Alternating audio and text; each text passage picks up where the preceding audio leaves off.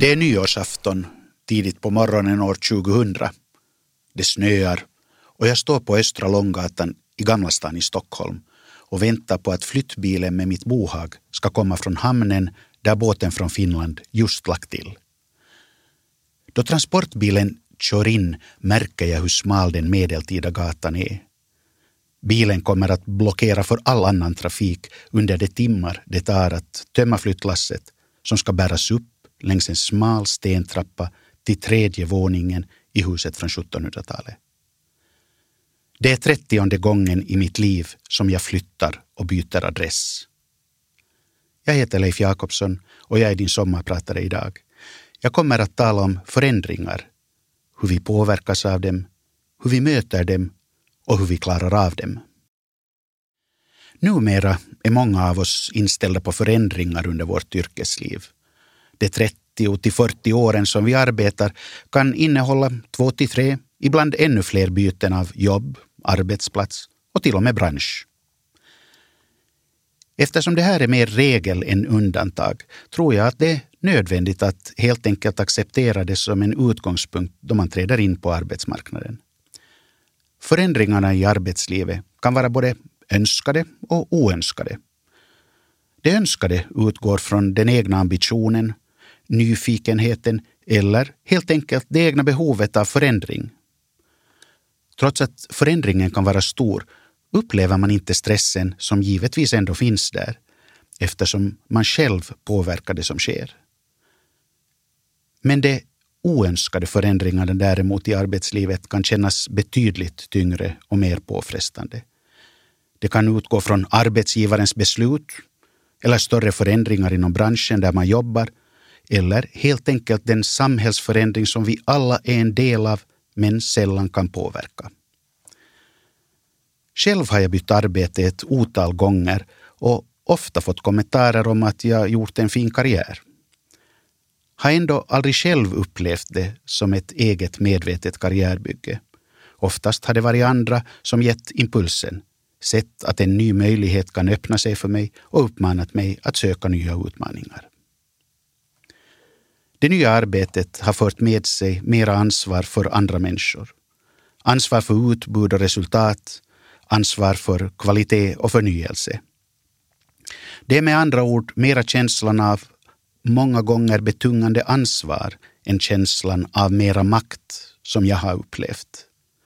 Det ökade ansvaret har också lett till mera stress som tagit sig uttryck i sömnlösa nätter, en känsla av otillräcklighet och till och med fysiska symptom. Men eftersom det för min del handlat mest om en positiv stress så har jag på något sätt kunnat hantera problemen. Har skingrat de tärande tankarna med att för en stund gå in i andra världar med hjälp av skönlitteraturen, bildkonsten och musiken. Under så gott som hela mitt yrkesverksamma liv har min uppgift bestått i att leda andra människor i organisationer eller företag. Det har varit fråga om så kallade expertorganisationer där medarbetarna har varit professionella och tagit ett stort ansvar för det egna resultatet. I de flesta fall har det varit fråga om verksamheter där givna mönster skapats för hur arbetet utförs och hur arbetsgemenskapen är organiserad.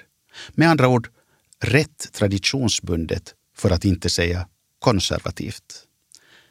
Däremot har själva innehållet i verksamheten krävt insikter om hur samhället förändras och nyfikenhet på det aktuella. Att komma in som ny chef och ledare i ett sådant sammanhang bjuder på utmaningar, inte minst då man i den nya rollen ser det absolut nödvändiga och berättigade i förändringen. Och dessutom är mycket yngre än många av medarbetarna. På väg att avsluta mitt yrkesliv med dagliga operativa uppgifter har jag lätt att se tillbaka på de situationer då mitt förändringsledarskap kommit till sin rätt, men också där det inte fungerat som jag hade önskat. Vill varken utsätta mina tidigare medarbetare och kollegor eller mig själv för detaljerade avslöjanden. Men kan bara konstatera, som i uttrycket på engelska, It takes two to tango. Det krävs två för att dansa tango. Med andra ord, i allt förändringsarbete har jag varit beroende av mina medarbetare. Ensam är det omöjligt att driva processer framgångsrikt. Men hur gör man? Hur bygger man förändringsberedskap? Hur skapar man den gemensamma känslan för förändringen? Framför allt, låt förändringen ta den tid den behöver. Resultatet kommer inte genom att piska fram förändringen, utan i insikten hos alla inblandade att det man gör har en mening. Då väcks engagemanget och hängivenheten för att hitta problemen och finna nya lösningar. Det är viktigt att inse att man som ledare har en bild eller en egen vision av vad som bör göras. Däremot inte sagt att alla medarbetare känner sig delaktiga. Kommunikationen blir därför oerhört viktig. Din egen kapacitet att gång på gång förklara syftet och alltid vara lyhörd för medarbetarnas frågor och kommentarer kan bli avgörande för hur processen lyckas. Visst är det bra med entusiastiska chefer, men man får passa sig för att låta den egna entusiasmen bli det enda argumentet. Det är viktigt att vara strukturerad, sammanhängande och faktabaserad. Men på ett sätt som gör att mottagarna får ett grepp om målsättningarna. Ytterligare en erfarenhet som man inte får missa är att medarbetarna behöver reella möjligheter att klara av allt det nya. I arbetslivet är vi inga trollkonstnärer som skapar något ur intet. Det krävs både verktyg, ibland skolning, nästan alltid en extra resurs i personal eller pengar för ett lyckat resultat.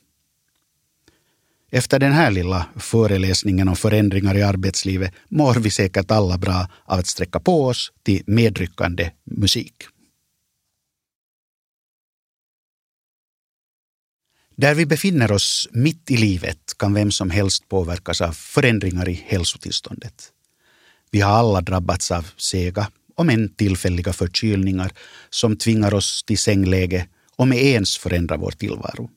Trevligt är det aldrig, men ibland kan det kännas riktigt skönt att få koppla av i vågrätt läge och samla krafter. För att efter någon dag, nyduschad och med rena kläder, återgå till vardagen och arbetet. Tyvärr är det alltför många som tvingas förhålla sig till mer genomgripande förändringar i den egna hälsan. Det har inte alltid med ålder att göra, om en saken blir mer påtaglig bland vänner och bekanta födda på 50-talet och tidigare. Under de senaste åren har tre av mina barndoms bästa vänner fått en cancerdiagnos. Av egen erfarenhet från yngre år av en kronisk sjukdom som visade sig vara övergående vet jag att något av det värsta i den situationen är den tystnad som uppstår omkring en. Den hänsynsfulla hänsynslösheten, som någon kallade fenomenet. Det att omgivningen väljer att tiga, att inte ta kontakt, att hålla distans med förklaringen att man inte vill störa, inte pocka på uppmärksamhet, inte ta utrymme i en svår situation. Det är ju precis tvärtom det viktigaste är att få bryta den egna fixeringen vid sjukdomen, att få prata om vardagliga saker, att få höra skvaller om släkt och vänner.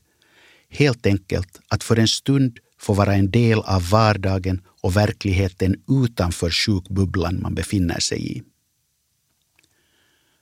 Som 20-åring drabbades jag av en för mig helt okänd sjukdom.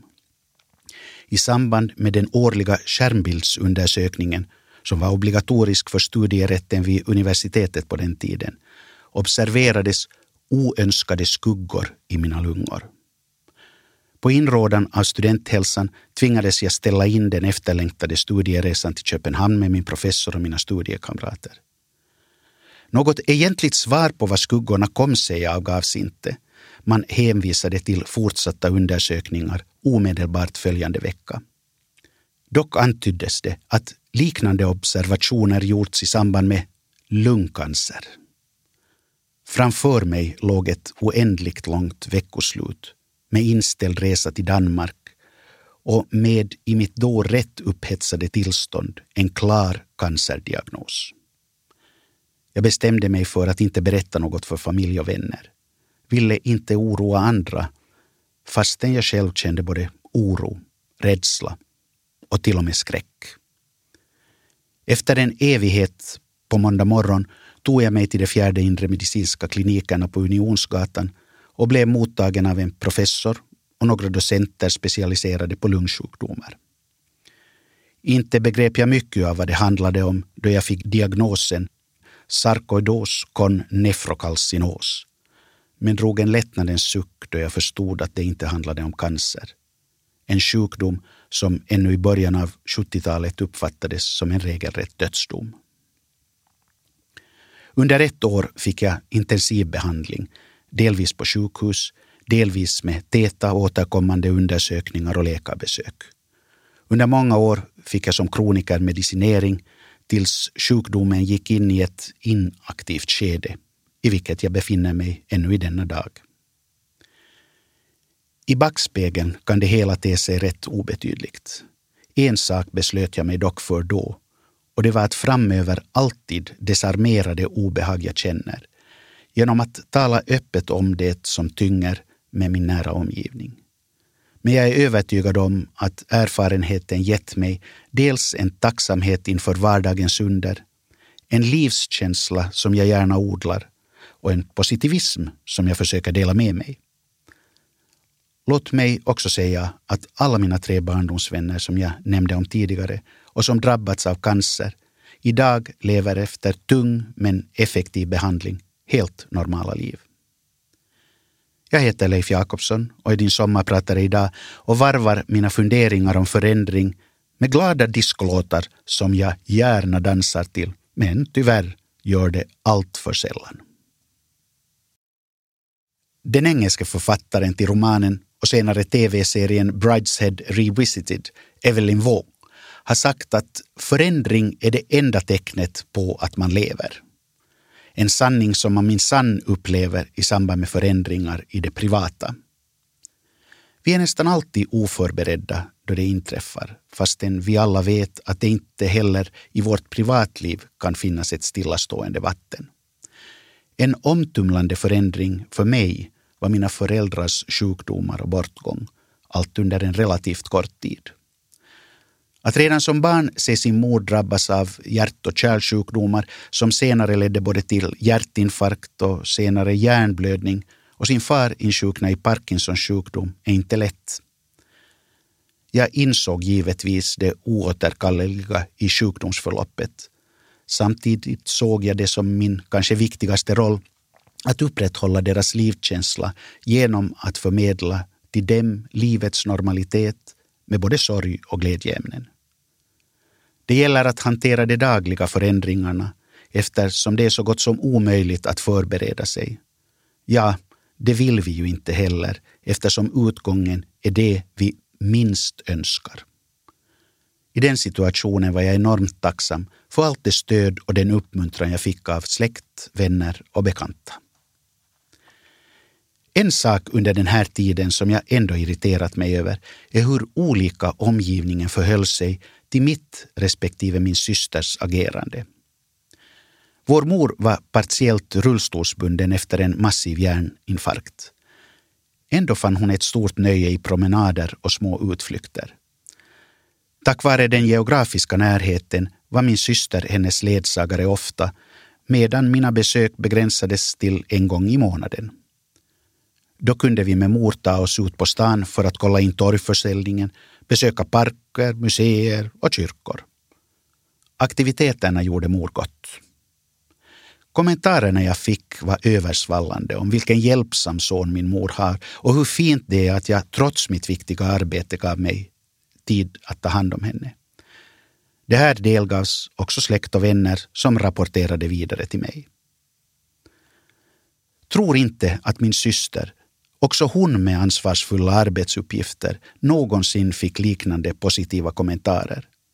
Jag frågar mig bara, varför anses det självklart att en dotter ska offra både tid och kraft åt de åldrande föräldrarna medan samma eller betydligt anspråkslösare engagemang från en sons sida harangeras? Är könsrollerna ännu, också på den här punkten så ingrodda i vårt samhälle.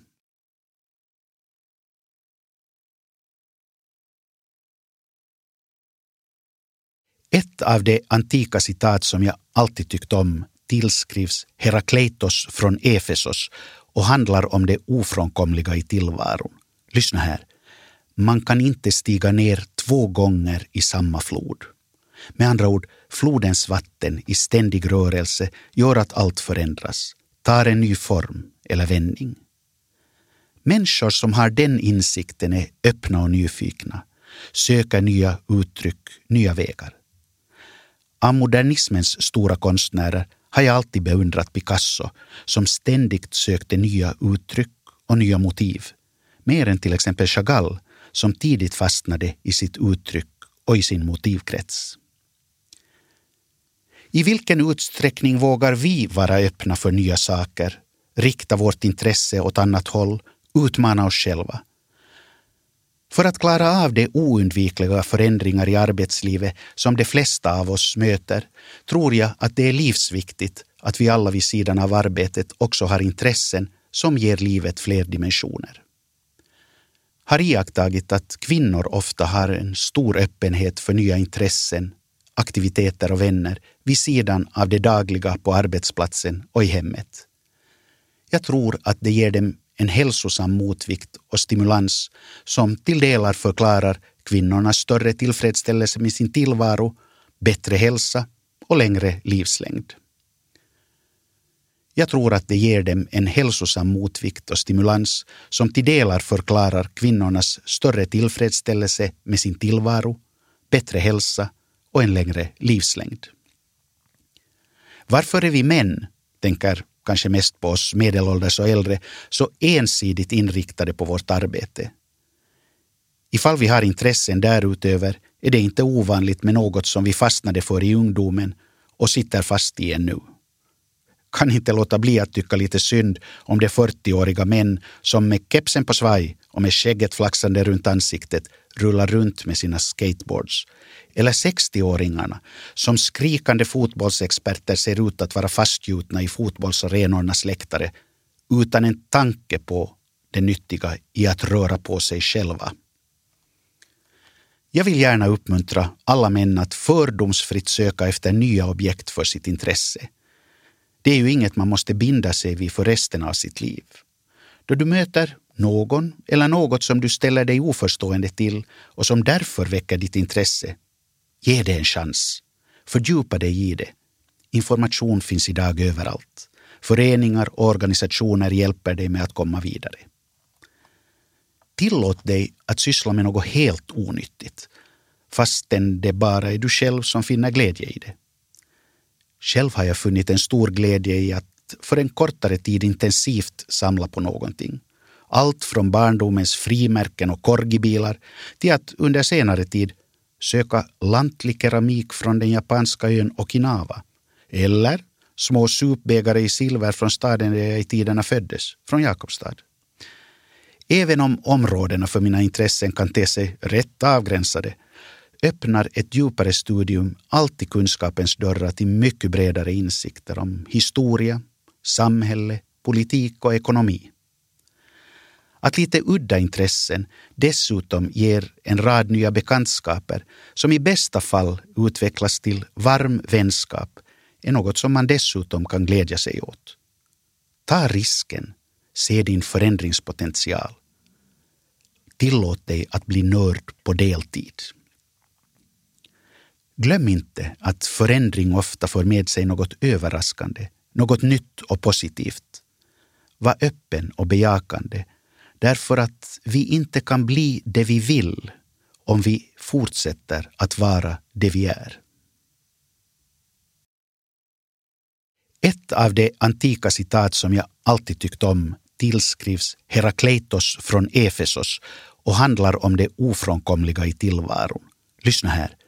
Man kan inte stiga ner två gånger i samma flod.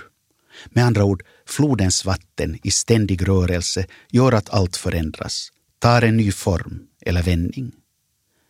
Människor som har den insikten är öppna och nyfikna, söker nya uttryck, nya vägar.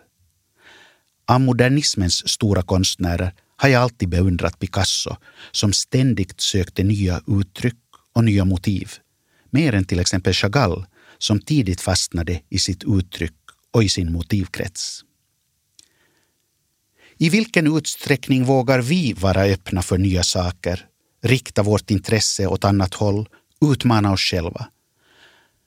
För att klara av de oundvikliga förändringar i arbetslivet som de flesta av oss möter tror jag att det är livsviktigt att vi alla vid sidan av arbetet också har intressen som ger livet fler dimensioner.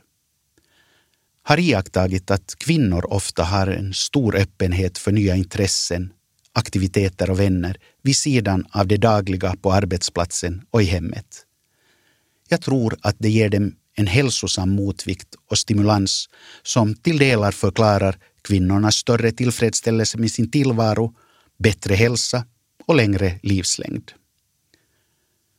Jag tror att det ger dem en hälsosam motvikt och stimulans som till delar förklarar kvinnornas större tillfredsställelse med sin tillvaro, bättre hälsa och en längre livslängd. Varför är vi män, tänker kanske mest på oss medelålders och äldre, så ensidigt inriktade på vårt arbete. Ifall vi har intressen därutöver är det inte ovanligt med något som vi fastnade för i ungdomen och sitter fast i ännu. Kan inte låta bli att tycka lite synd om de 40-åriga män som med kepsen på svaj och med skägget flaxande runt ansiktet rullar runt med sina skateboards. Eller 60-åringarna som skrikande fotbollsexperter ser ut att vara fastgjutna i fotbollsarenornas läktare utan en tanke på det nyttiga i att röra på sig själva. Jag vill gärna uppmuntra alla män att fördomsfritt söka efter nya objekt för sitt intresse. Det är ju inget man måste binda sig vid för resten av sitt liv. Då du möter någon eller något som du ställer dig oförstående till och som därför väcker ditt intresse, ge det en chans. Fördjupa dig i det. Information finns idag överallt. Föreningar och organisationer hjälper dig med att komma vidare. Tillåt dig att syssla med något helt onyttigt fastän det bara är du själv som finner glädje i det. Själv har jag funnit en stor glädje i att för en kortare tid intensivt samla på någonting. Allt från barndomens frimärken och korgibilar till att under senare tid söka lantlig keramik från den japanska ön Okinawa eller små supbägare i silver från staden där jag i tiderna föddes, från Jakobstad. Även om områdena för mina intressen kan te sig rätt avgränsade öppnar ett djupare studium alltid kunskapens dörrar till mycket bredare insikter om historia, samhälle, politik och ekonomi. Att lite udda intressen dessutom ger en rad nya bekantskaper som i bästa fall utvecklas till varm vänskap är något som man dessutom kan glädja sig åt. Ta risken, se din förändringspotential. Tillåt dig att bli nörd på deltid. Glöm inte att förändring ofta för med sig något överraskande, något nytt och positivt. Var öppen och bejakande därför att vi inte kan bli det vi vill om vi fortsätter att vara det vi är.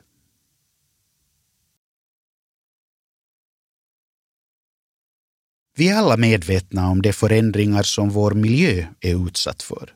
Mycket på grund av våra mänskliga aktiviteter som sätter press både på den fria naturen och på den kulturmiljö, det kulturlandskap som vi människor under långa tider format till hemvist för de aktiviteter som nu i sina extrema former tenderar att förstöra delar av den helheten.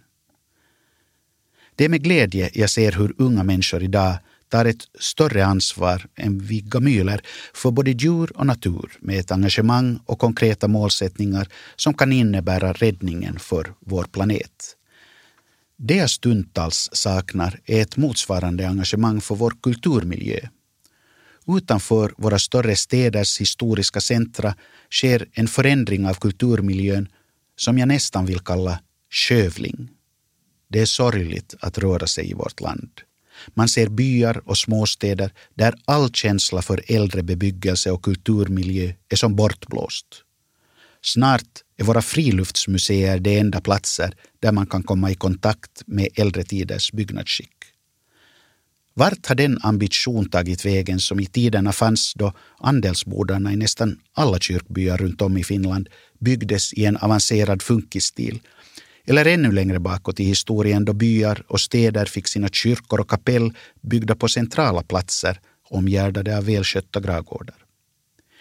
Idag präglas byar och småstäder av byggnader som vare sig arkitekter, byggherrar eller invånarna kan vara stolta över. Det är fråga om byggda lådor för olika ändamål med väl tilltagna parkeringsplatser runt omkring. Kontrasten blir stor till de välskötta äldre kvarteren i våra större städer för att inte tala om mindre städer och byar i de centrala delarna av Europa. Med det här vill jag ingalunda tala mot de förändringar i vår byggda miljö som är nödvändiga för ett fungerande modernt liv. Men med en medveten policy och god planering kan man på många sätt komma bort från att en kulturmiljö försvinner, förvanskas eller försvagas. Det kan vara bättre att den för tillfället förblir oförändrad i väntan på bättre tider. Men kulturmiljön kan även förstärkas, till och med förökas och i allra bästa fall förädlas.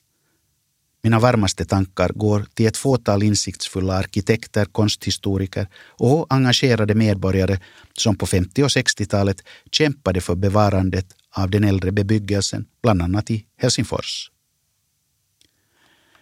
Genom att jag under mitt yrkesliv har flyttat ett antal gånger har jag också återvänt till orter där jag tidigare bott och arbetat. Det är ofta i samband med återvändandet som jag så tydligt sett förändringar. Barndomens och ungdomens miljöer är starkt förankrade i den egna identiteten. Det gör att rivna byggnader eller nya trafikarrangemang kan bli rätt negativa upplevelser. Mitt hopp går nu till de unga som verkar visa ett allt större intresse för att återbefolka åtminstone de större städernas centrala stadsdelar i till exempel Åbo, Tammerfors och Helsingfors. Utflyttningen till förorterna och landsorten på lämpligt pendlingsavstånd har dämpats. Numera inser många att man kan bo i stadskärnan, inte enbart under studietiden, utan även med familj och barn. Medvetenheten om kvaliteterna i att leva i en mångfacetterad byggd miljö kommer förhoppningsvis att ge sig till känna även i form av ett ökat intresse för den byggda kulturmiljön utanför storstäderna. Förhoppningsvis kan vissa misstag ännu rättas till så att även den byggda miljön på mindre orter och vårt finska kulturlandskap kan förstärkas, förökas och förädlas. Jag är glad över att vi i Finland erbjuds ett stort antal olika boendealternativ. Både då det gäller bostadsort och typ av bostad. Dessutom finns det alternativ för den som vill hyra, likväl för den som har viljan och möjligheten att satsa på en egobostad. De möjligheterna gör att vi kan förhålla oss rätt sakligt till frågor om boende och välja bostadsform utifrån de behov som uppstår med förändrade livssituationer. Något helt annat har jag upplevt under de drygt tio år jag bott i Sverige och då uttryckligen i Stockholm. Det är en stad där alla samtal med både bekanta och främlingar i något skede kommer in på boendet. Den hårt reglerade hyresmarknaden har lett till skevheter som de flesta lider av, men som ett tillräckligt stort antal har nytta av för att politiker och inflytelserika personer inte gör något åt saken. Många bor på så kallade andrahandskontrakt där man i värsta fall inte ens får ha sitt eget namn på dörren eftersom boende är olagligt eller hyreskontraktet tveksamt. De lyckligt lottade som genom arv eller en tidig etablering i staden fått ett förstahandshyreskontrakt gör allt för att hålla kvar kontraktet och förtjäna på det utan egna avsikter att bo i bostaden.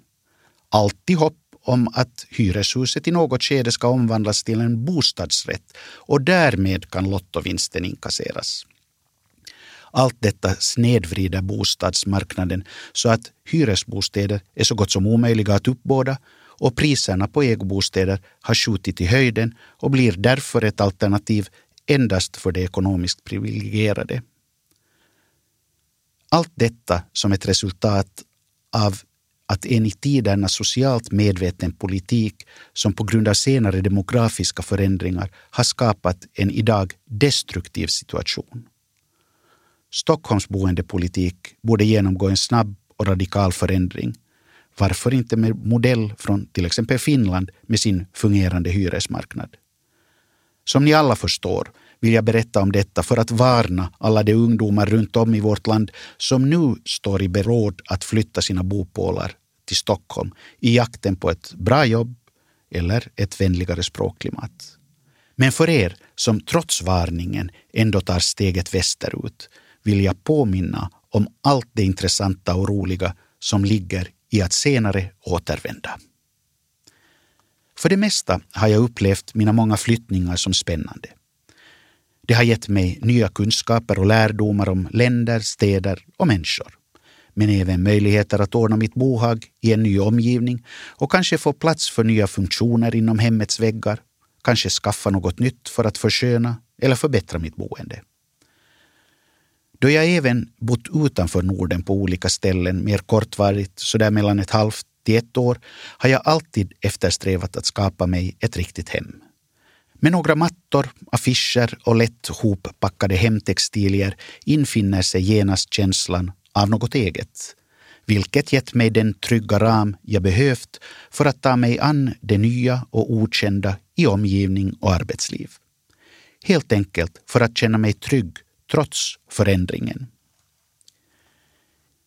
I inledningen till det här programmet nämnde jag att jag har flyttat och bytt adress 30 gånger.